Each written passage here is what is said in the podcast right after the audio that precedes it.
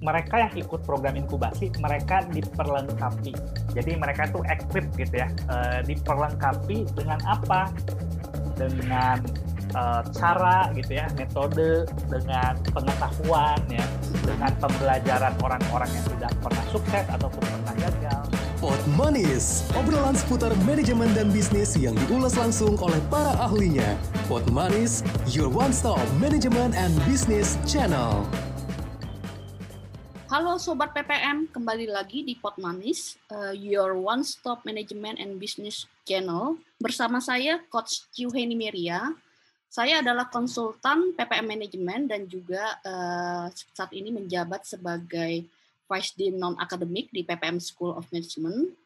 Pot Manis episode kali ini kita akan ngobrol-ngobrol nih tentang entrepreneurship dan inkubator bisnis ya bersama Coach Jeffrey Kurniawan yang juga merupakan konsultan PPM Management. Jadi kami rekan kerja di PPM Management dan beliau saat ini menjabat juga sebagai pengelola inkubator bisnis di PPM School of, of Management. Halo Coach Jeff, apa kabar nih? Hai Coach Henny, halo Sobat PPM. Baik-baik kabar saya uh, luar biasa. Gimana kabar dari Coach Henny nih? Uh, puji Tuhan baik sekali. Uh, semoga Sobat PPM juga baik dan yeah. Coach Jeffrey juga uh, sehat juga ya. Iya, terima kasih Coach Henny perkenalannya dan betul uh, saya saat ini uh, diberi amanah untuk mengelola inkubator bisnis dari PPM School of Management ya dan uh, namanya itu Biscube ya, Biscube B I Z C U B E. Oke. Wah, menarik sekali nih uh, dengan apa pengalamannya saat ini sebagai pengelola inkubator bisnis ini nanti sobat PPM akan mendapatkan banyak insight ya yeah. mengenai apa itu inkubator bisnis Amin. dan sebagainya. Ya, uh, Coach Jeffrey. Jadi yang seperti kita ketahui dalam beberapa tahun terakhir ini, pemerintah itu kan memang mengencarkan uh, masyarakat Indonesia itu untuk menjadi uh, pebisnis gitu ya uh, untuk mendukung uh, pertumbuhan ekonomi di Indonesia. Yep. Nah, program inkubator bisnis ini menjadi tren nih bagi para pelaku bisnis uh, dari level UKM sampai hingga ke kementerian. Nah, sebelum kita membahas detail ya uh, mengenai apa kaitan uh, pertumbuhan dari masyarakat Indonesia menjadi pebisnis gitu ya, Eh, bisa dijelaskan kepada sobat PPM apa sih inkubator bisnis itu? Ya, terima kasih.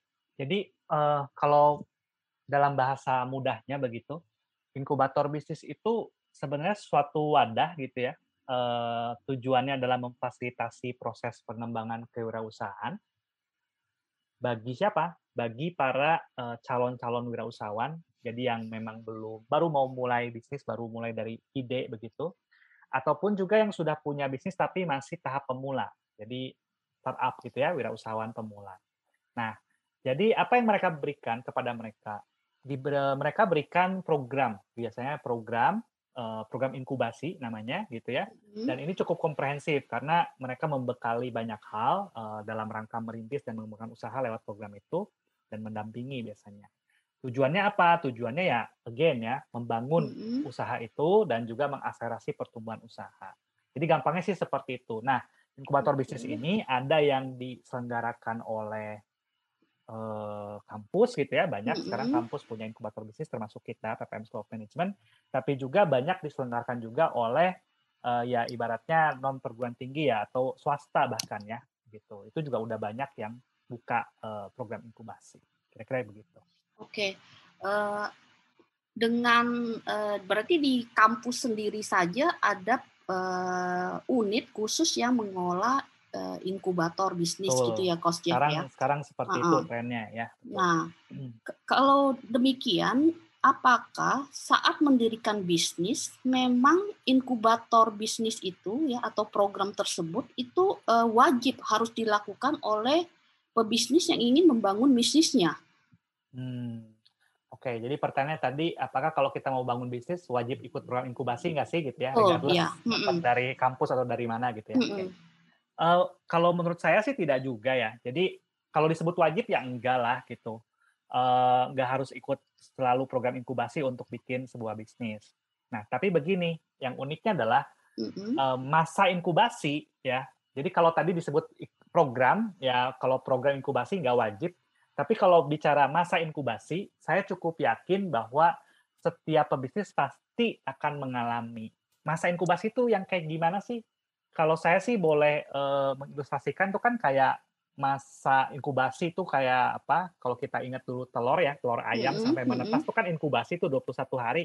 Iya. Mirip Oh, ya sebenarnya. iya, Jadi iya. bisnis juga begitu. Mulai dari ide dia baru lahir sampai nanti beneran jalan lah. Gampangnya gitu kalau saya eh, mengartikan begitu.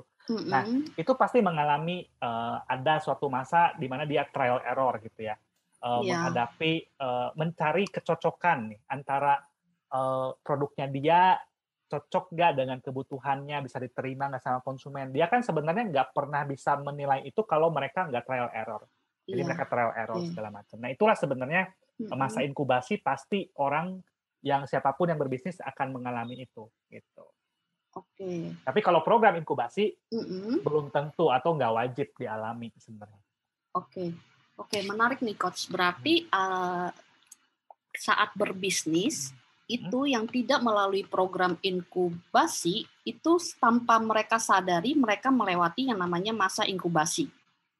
Ya. Nah, kalau seperti itu, apa perbedaan signifikan ya, eh, Ya, seseorang ya pebisnis Mm-mm. eh, membangun bisnisnya itu eh, melalui program inkubasi dengan yang tidak melalui program. Nah, ini pertanyaan bagus sekali ya. Jadi, kalau saya simpulkan, sebenarnya perbedaan signifikannya adalah mereka yang ikut program inkubasi, mereka diperlengkapi. Jadi, mereka tuh equip gitu ya. eh, diperlengkapi dengan apa?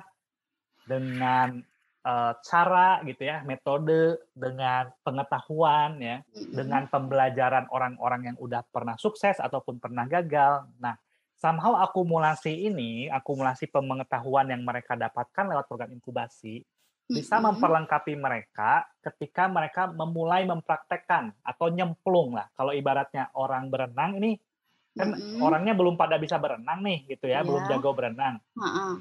Kalau mereka ikut inkubasi, ketika mau nyemplung itu udah pernah dikasih tahu, eh nanti gaya katak itu seperti ini gerakannya. Mhm. Jadi kalau ketika kamu masuk menyentuh air dan masuk ke dalam air, yang perlu kamu lakukan adalah pertama tidak panik, misalkan seperti itu. Lalu Mm-mm. kamu coba lakukan gerakan seperti ini. Nah, kan dikasih tahu hints-hintsnya ya. Nah, beda dengan Oke. kalau yang nggak ikut itu langsung nyemplung gitu ya dan Mm-mm. mungkin mereka akan sedikit kelabakan, eh, gelagapan gitu ya, eh, mencari gaya sendiri bagaimana untuk bisa survive tidak tenggelam kan gitu ya. Mm-mm. Nah, jadi mungkin bedanya itu, yang satu diperlengkapi dan yang satu tidak, eh, gitu. Dan bicara diperlengkapi Ha-ha. ini sebenarnya nggak harus lewat program inkubasi saja gitu ya, tapi salah satu caranya adalah mengikuti program inkubasi karena di sana ada mungkin workshop, ada pelatihan, ada tools yang bisa dipakai, diajarin, ada juga yang mendampingi gitu. Jadi kurang lebih sih Oke. seperti itu harapannya ikut program inkubasi, mereka bisa lebih cepat dan tepat ya. Artinya mengurangi proses trial error gitu ya, karena mereka tidak Oke. mulai dari nol gitu. Oke. Hmm.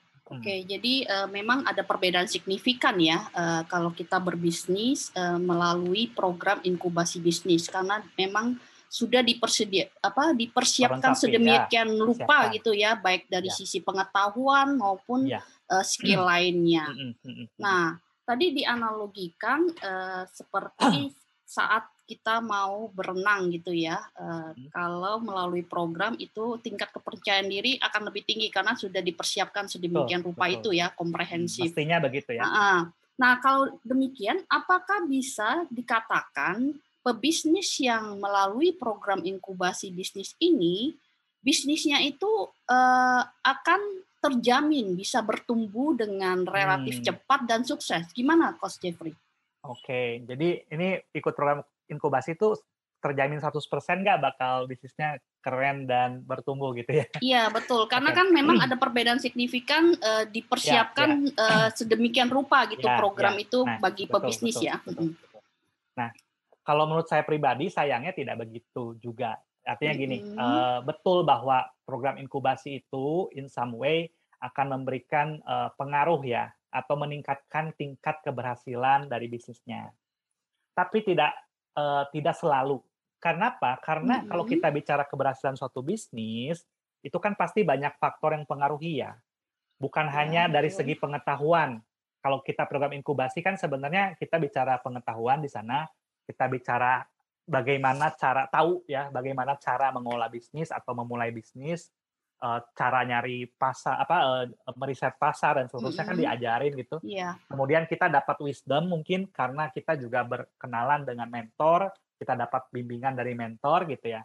Tapi kan enggak s eee, hal-hal ini tidak menjadi 100% karena apa? Karena banyak faktor lain yang mesti diupayakan sendiri dan juga datang dari luar gitu ya, yang mempengaruhi bisnisnya itu atau individu yang sedang berusaha bikin bisnis ini. Misalkan, eee, faktor dari eksternal seperti pasar gitu ya. Nah, hal-hal itu juga kan mempengaruhi keberhasilan gitu, yang which is ya ikut inkubator bukan berarti pasarnya akan selalu baik gitu. Cuman, eee, ikut inkubator itu kita jadi tahu metode gimana supaya kita bisa melihat apakah pasarnya ada atau tidak, misalkan seperti itu. Kita Iya, kenal pasarnya. Oke. Terus hal-hal lain misalkan yang lebih penting juga adalah faktor dari internal diri sendiri. Si orang ini, individu yang mau bikin bisnis ini. Mmm. Dorongan dalam diri dia, niatnya sebesar apa, itu juga sangat mempengaruhi. Mentalitas dia juga sangat pengaruh gitu ya. Mentalitas tuh bicara soal mungkin ketangguhan ibaratnya gitu ya. Itu banyak faktor sih yang bisa mempengaruhi sebuah keberhasilan. Jadi, eee, saya nggak terlalu setuju kalau disebut 100% menjamin bahwa bisnisnya akan berhasil, karena terlalu banyak faktor yang akan mempengaruhi termasuk dari diri mereka sendiri sebenarnya niat atau enggak gitu. Oh, oke. Oh, Ya. jadi, eee, terkait faktor lainnya ini, Mhm. dorongan dalam diri dan mentalitas nih yang tadi disebutkan oleh Coach Jeff ya. Iya, Eee, bisa. Jadi nah mhm, boleh Heeh. nambahin dikit ya. Iya Jadi iya, silakan. kami di PPM SOM itu pernah ngelakuin FGD Coach Henny. Mmm. Bersama beberapa alumni kita ya, alumni kita yang udah jadi entrepreneur. Iya Jadi iya. mereka ini, eee, entrepreneur muda gitu ya, eee, artinya memang, eee, lulusan S1 kebanyakan, eh, ada juga S2, Mhm, heeh, mhm. eee, pokoknya masih muda lah, belum sampai 40, 50 gitu. Nah, eee, kit eee, tapi mereka udah punya bisnis yang udah cukup panjang, eee, running gitu ya, dalam arti mungkin sekitar 3 sampai 5 tahun begitu ya minimal, dan juga skalanya udah lumayan. Jadi waktu itu kita kumpulkan, kita ajak FGD, kita pengen cari tahu, kita tanya pada mereka, apa sih sebenarnya yang dibutuhkan untuk bisa jadi entrepreneur sukses gitu ya. Pertanyaan cuman itu.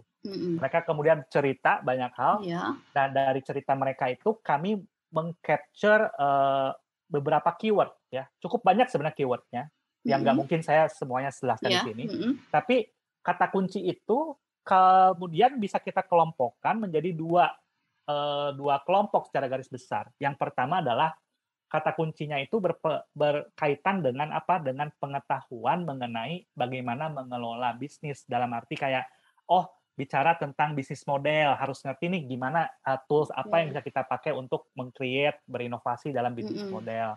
Oh, cara untuk merencanakan suatu bisnis gitu ya, bikin perencanaan, bikin budgeting. Oh, cara untuk ngatur keuangan di dalam usaha ya, misalkan keuangan pribadi dan keuangan, eee, perusahaannya dia, misalnya dan seterusnya. Hal seperti cash flow gimana dan seterusnya. Kemudian Mhm. pengetahuan tentang bisnis dan industrinya itu sendiri ya. Terus Iya. bicara partner segala macam. Nah itu itu, eee, ini hal yang pertama. Jadi bicara tentang sebenarnya kebanyakan tentang saya bisa katakan ada, eee, hard skill ya, pengetahuan, wawasan lah tentang bisnis dan industri. Nah, Mhm. tapi kelompok yang kedua yang nggak kalah menarik adalah terkait dengan pola pikir, mindset, dan mentalitas, dan soft skill. Jadi 3 hal Mhm. ini. Misalkan mereka bilang, oh jadi, eee, dari cerita mereka ya, eee, kelihatan banget bahwa, oh jadi pebisnis itu ternyata nggak boleh pantang menyerah, gitu. Mhm. Jadi kalau mereka udah ada yang berkali-kali gagal gitu dan mereka nggak menyerah dan akhirnya berhasil gitu. Kemudian harus adaptif gitu, harus bisa menyesuaikan diri dengan perubahan, melihat perubahan yang terjadi dan bisa merespon perubahan itu. Jadi nggak nggak, oh saya mah produknya begini gitu ya, pokoknya begini, eee, tanpa mau lihat tahu bahwa konsumen mungkin Mhm. sudah berubah, pola perilaku sudah berubah dan seterusnya. Jadi harus adaptif. Ada juga yang bicara bilang katanya harus punya passion, harus punya suatu ketertarikan sendiri terhadap suatu bisnisnya dan juga punya kegigihan ya, konsisten untuk, eee, apa ya, eee, gigih meraih si tujuan jangka panjangnya dia itu. Dan banyak hal lah, teamwork segala macam itu muncul ternyata.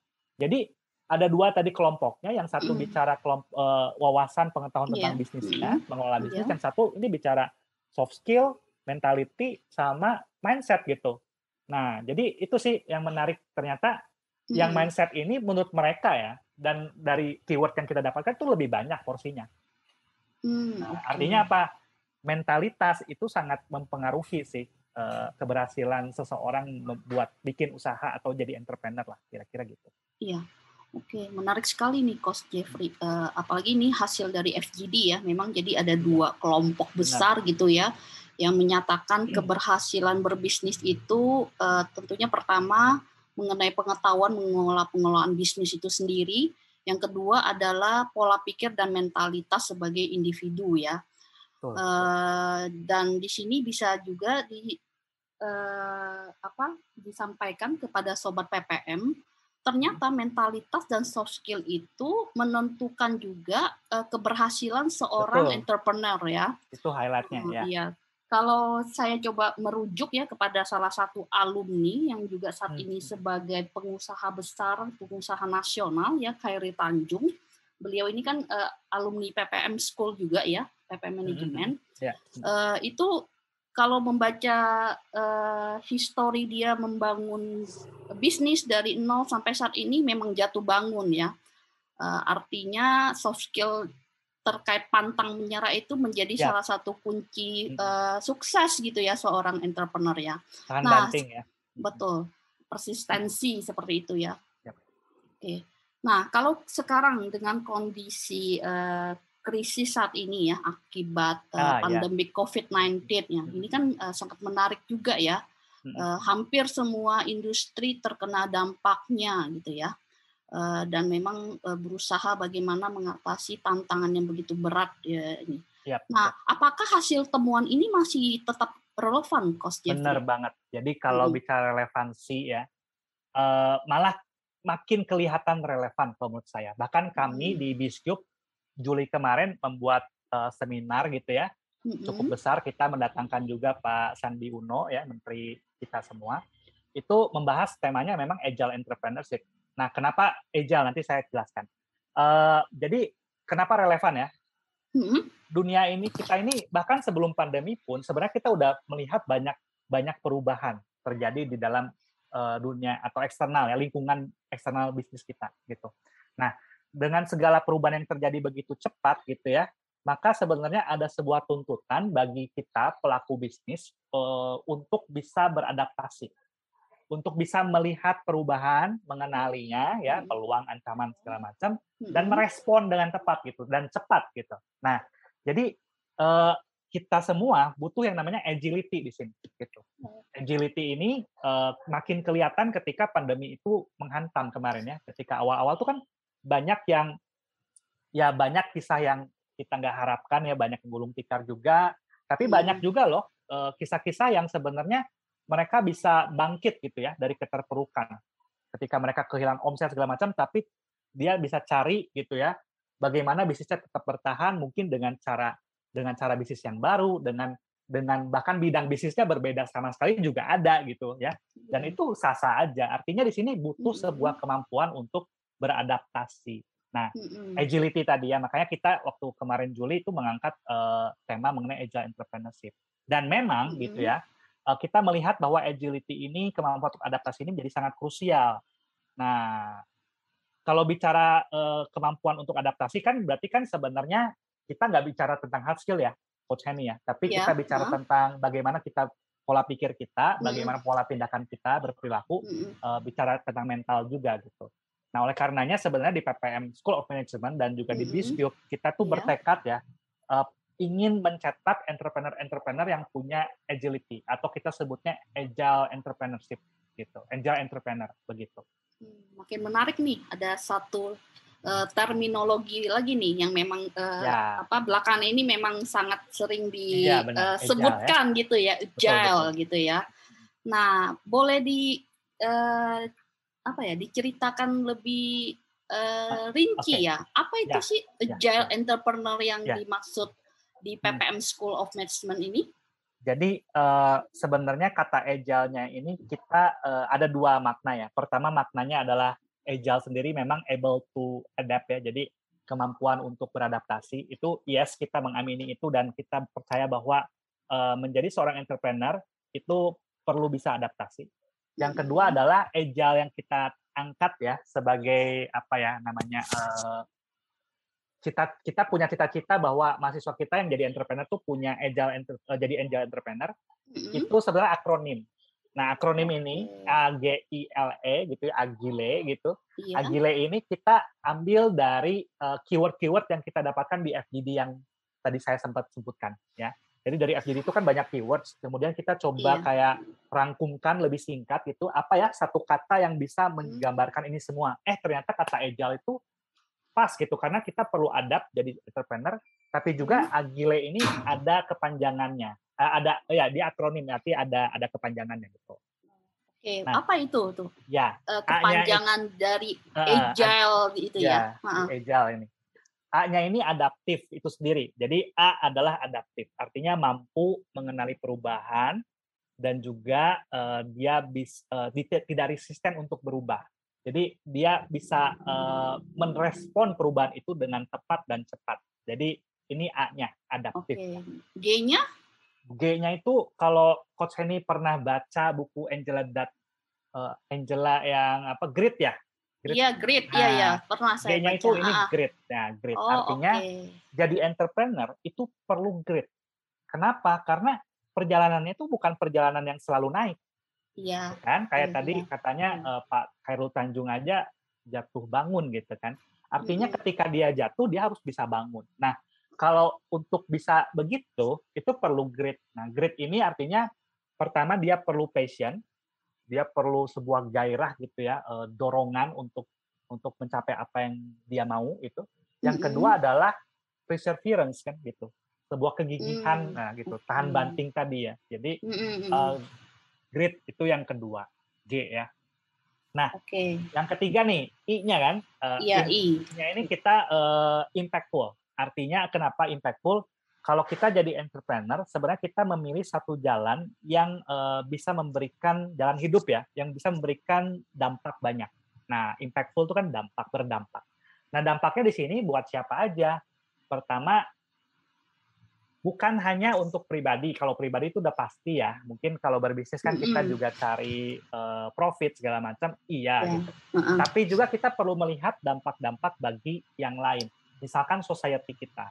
Setidaknya sebenarnya ketika kita membuka sebuah usaha, kalau ini profit bisnis ya, berarti uh, kita setidaknya sedang mengusahakan gitu ya, meningkatkan kesejahteraan dari pegawai kita minimal banget itu. Ya, karena kita hmm. membuka lapangan kerja.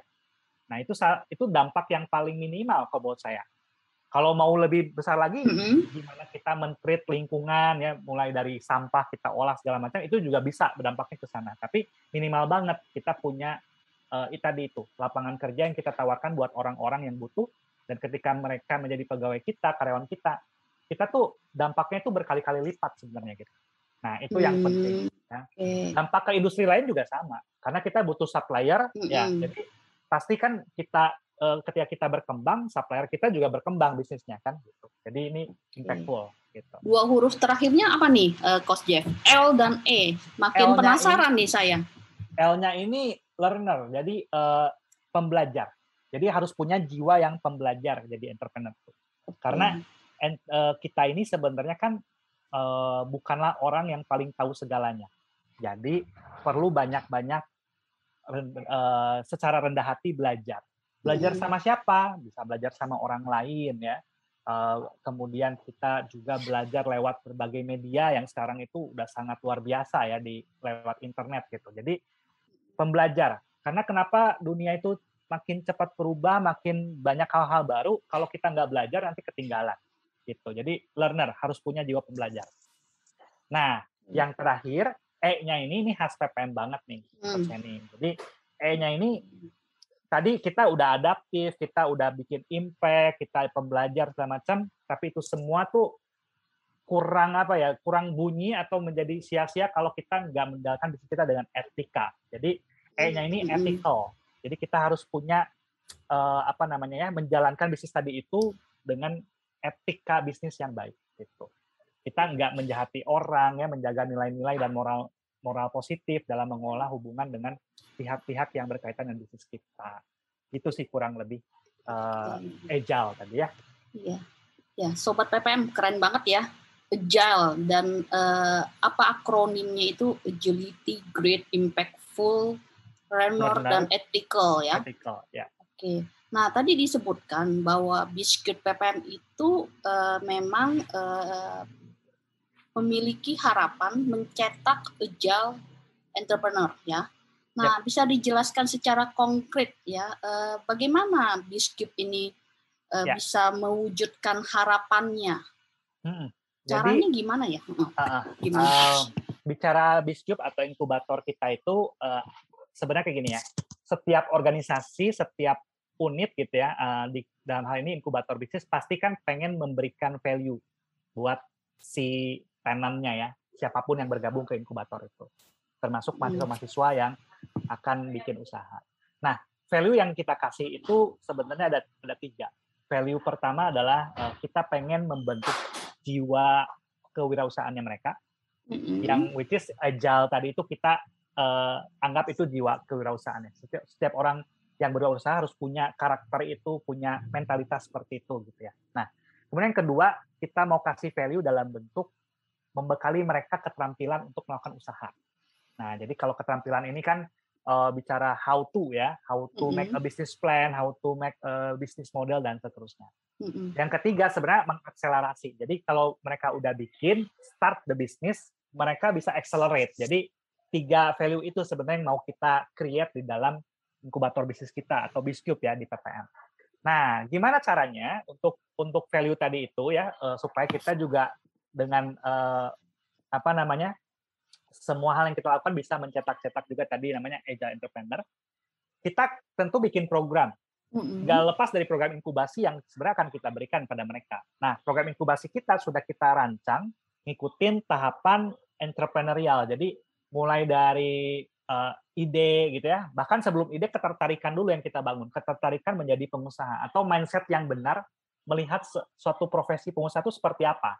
Karena jangan sampai nih orang itu uh, pengen jadi pengusaha karena misal uh, saya uh, ya pengen aja gitu, mm-hmm. ada motivasi yang jelas gitu. Okay. Why-nya tuh kenapa sih? Ya kita pengen ngeberesin itu dan mm-hmm. pengen ngasih pandangan juga bahwa jadi pengusaha tuh bukan selalu enak loh gitu ya. Mm-hmm. Jadi itu yang kita benerin nih mindsetnya, pola pikir tentang pengusaha itu seperti apa, ketertarikan kita bangun. Nah, ketika mereka tertarik, oke okay, saya mau jadi pengusaha, barulah kita bicara idemu mau bikin apa. Nah, jadi entrepreneur journey-nya mulai nih dari ide, mm, -hmm. lalu bagaimana ide ini digodok gitu ya, uh, ibaratnya diuji validitasnya, apakah mm. ide produknya ini benar nggak sih bakal kepakai konsumen segala macam, pak. Kemudian uh, kelayakannya seperti apa bisnisnya ya, jangan sampai juga punya ide tapi nggak layak dilakukan sebenarnya. Jadi bikin ide, bikin visibility-nya, bikin bisnis plan-nya. Nah, itu planning jadi ya. Jadi kita temenin anak-anak ini ya mahasiswa-mahasiswa ini untuk membuat perencanaan.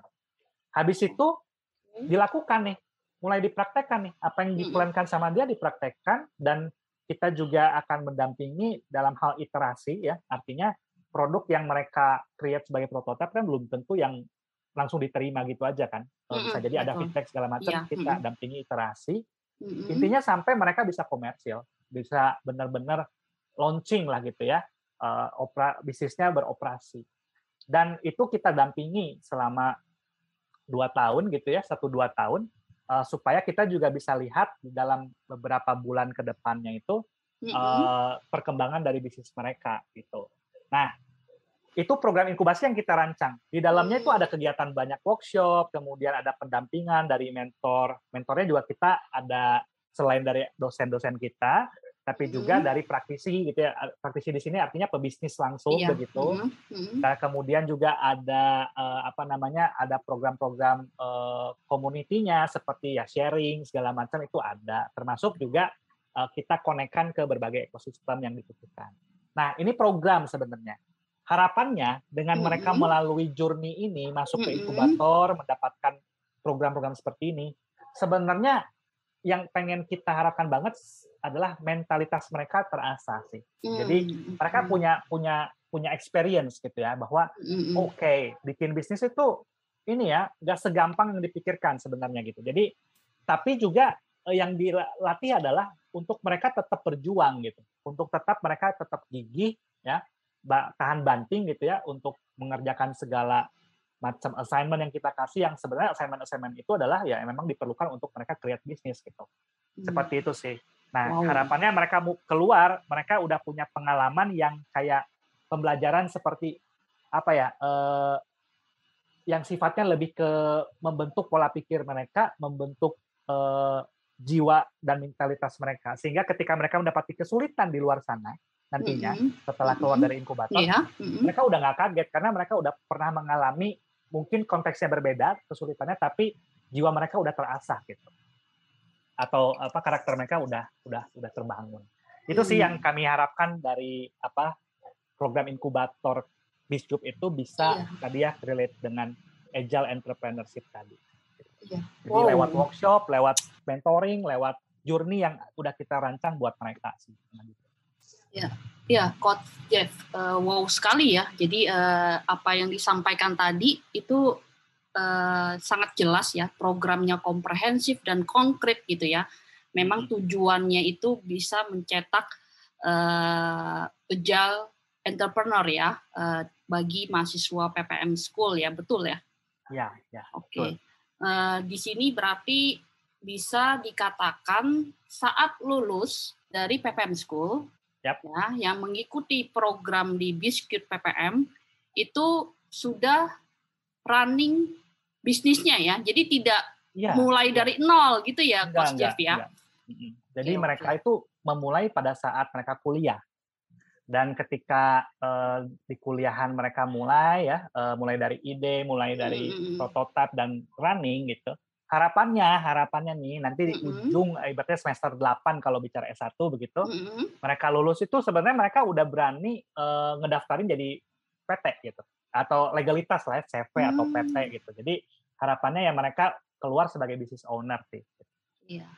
Coach Jeffrey, ini apa yang disampaikan eh, mengenai program Biskuit PPM ya itu eh, sangat komprehensif dan Hmm. konkret ya, ya sesuai pertanyaan eh, saya tadi. Eh, artinya di sini memang eh, PPM ya dalam hal ini unit eh, Biskuitnya itu memfasilitasi mahasiswa PPM Betul. School itu eh, bisa memiliki bisnis saat lulus ya dan itu tidak dimulai dari nol lagi ya tetapi sudah merunning dan eh, tujuannya untuk mengembangkan atau membesarkan bisnisnya seperti itu ya Coach Jeff ya. Betul, betul sekali. Oke. Itu Nah ini karena terkait waktu juga Coach Jeffrey eh, Hmm. kita udah di eh, penghujung acara. Nah eh, bisa berikan closing statement yang insightful kepada sobat PPM tentunya eh, mengenai apa diskusi kita pada Iya. hari ini ya entrepreneurship dan inkubator bisnis. Oke, jadi eh, kalau sebagai closing statement-nya saya punya dua hal nih yang mungkin bisa kita eh, harapannya bisa oleh sobat PPM bawa pulang ya. Yang pertama, kalau memang sobat PPM itu berminat, berniat jadi entrepreneur, ingat agile yang tadi ya.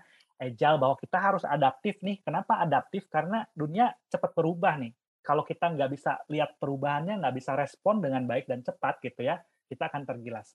Yang kedua adalah grit gitu ya. Artinya sobat PPM harus punya kegigihan kalau mau jadi entrepreneur. Tahan banting ya. Eh, jatuh tujuh kali, bangunnya delapan kali. Ibaratnya seperti itu. Kemudian impactful. Jadi kalau kita punya bisnis, pastikan bisnis kita itu memberikan dampak, memberikan value. Buat siapa? Nggak cuma buat pelanggan tentunya, tapi nggak cuma buat diri sendiri, tapi buat siapa? Buat society ya. Itu yang lebih besar. Jadi purpose-nya rekan-rekan bikin uh, usaha. Kemudian L-nya learner, artinya kita selalu belajar karena kita nggak tahu segala hal di dunia ini, kita terus belajar. Dan terakhir ethical. Jadi jadi entrepreneur perlu punya uh, attitude ya di dalam berbisnis yang sesuai dengan nilai-nilai dan moral-moral positif ya. Jadi pertahankan dan jalankan namanya etika bisnis dalam melakukan usahanya. Nah, itu yang pertama. Yang kedua adalah buat sobat PPM yang memang tadi berminat berniat jadi entrepreneur, tapi belum tahu nih ya harus ke mana gitu ya. Nah, mudah-mudahan kita bisa bantu. Jadi uh, silakan cari program inkubasi. Nah, kalau memang bingung cari yang di mana, salah satunya adalah di Biscube, di PPM School of Management. So, jangan ragu kontak kami gitu ya. Cakep sekali, Coach Jeffrey. Uh, uh, closing statement-nya ya sangat insightful. Terima kasih banyak, Coach Jeffrey, atas uh, sharingnya mengenai sama-sama. entrepreneurship dan inkubator bisnis ya. Jadi memang Mudah terlihat ya uh, kaitan antara uh, pebisnis yang melalui program inkubasi ya uh, dengan kesuksesan mereka gitu ya. Pasti ada ya. kaitannya ya, betul ya, uh, Coach Jeffrey. Oke, terima kasih banyak sekali lagi. Nah, untuk sobat PPM sekalian, jika ada yang mau diceritain nih, ya, atau ditanyain, bisa loh ya share ke IG kami di @infoseminar_ppm atau ke email kami di potmanis@gmail.com. Bagi sobat PPM yang ingin mendapatkan referensi-referensi terkait manajemen, bisa juga loh eh, langsung akses ke e-magazine kami di majalahmanajemen.com di episode berikutnya kita akan ketemu lagi ya dengan uh, para coach pot manis dengan tema yang berbeda tentunya dan menarik. Jadi tetap dengerin terus, jangan sampai ketinggalan setiap episodenya. Terima kasih banyak Sobat PPM. Uh, eh, pot Manis, your one-stop management and business channel. Saya Coach Henny sebagai host, pamit undur, undur diri. Terima kasih. Hey hey hey, jangan lupa follow akun sosial media kami di Instagram at info seminar PPM dan juga Facebook publikasi dan seminar PPM. Untuk saran dan pertanyaan seputar pot manis, sobat PPM bisa email ke potmanisppm at gmail.com.